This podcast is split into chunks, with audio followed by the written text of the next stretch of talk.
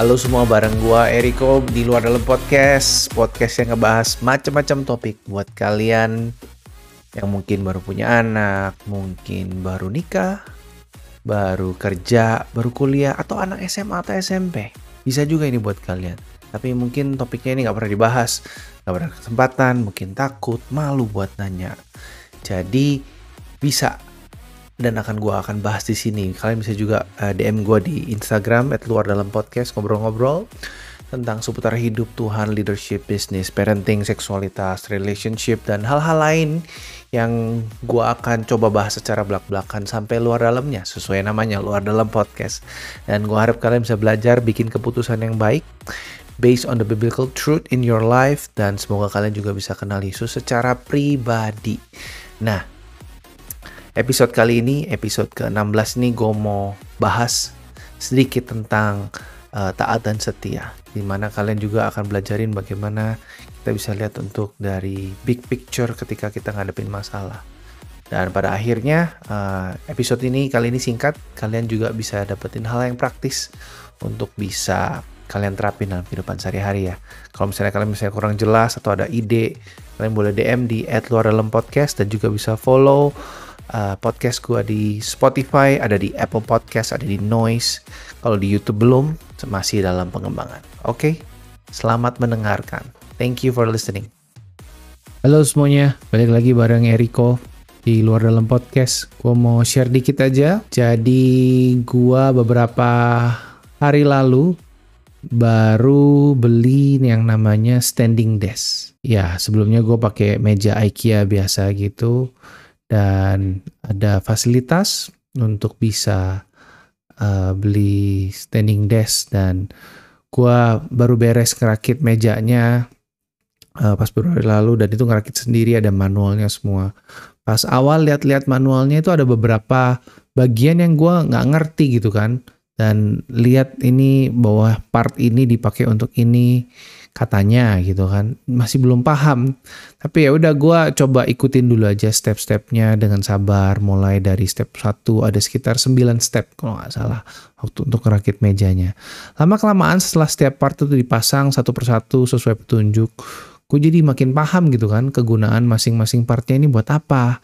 Dan mulai make sense gitu. Da, da, mulai dapat bigger picture-nya dari uh, meja ini gitu kan. Oh, dari step satu, step kedua itu maksudnya ini.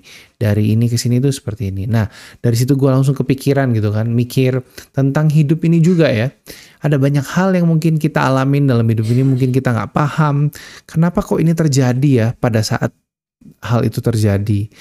Kenapa kok uh, suatu masalah ini terjadi dan kita nggak ngerti alasannya? Dan aku rasa dari pelajaran ngerakit meja ini dan dari pengalamanku juga dan teman-teman juga pernah ngalamin bahwa kita perlu belajar untuk tetap taat dan setia.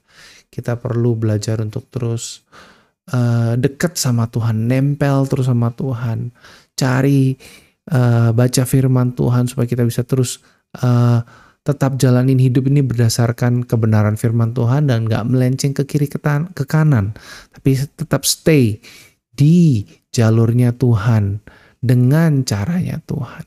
Waktu kita terus taat dan setia di jalan Tuhan dan dengan caranya Tuhan, maka makin lama kita akan makin ngerti, makin paham, makin make sense.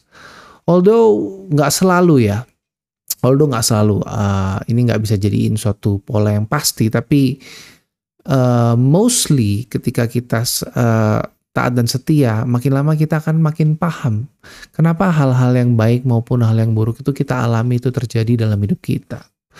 Sekali lagi gue bilang nggak nggak selalu, tapi mostly gitu ya. Kita bakal makin kenal siapa Tuhan dan waktu kita makin kenal dengan Tuhan makin dalam, kita makin kenal dengan diri kita sendiri. Kita makin tahu hidup kita ini tujuannya apa di dalam Tuhan. Dan di saat itulah kita punya pilihan untuk kita mau ngembangin semua kapasitas dan talenta yang Tuhan berikan kepada kita agar agar kita bisa kenalin Tuhan juga Yesus ke orang lain lewat strength yang Tuhan sudah berikan, kekuatan yang sudah berikan, lewat pemahaman yang sudah berikan. Jadi supaya kita nggak berhenti uh, di satu titik uh, masalah kita, lalu kita uh, ngeluh dan mulai maybe nyalahin Tuhan atau nyalahin masalah dan stuck di situ. No. Tapi yuk kita mau terus belajar taat dan setia, kembangin kapasitas kita uh, untuk bawa orang kenal Tuhan lewat apa yang kita lakukan. God bless you.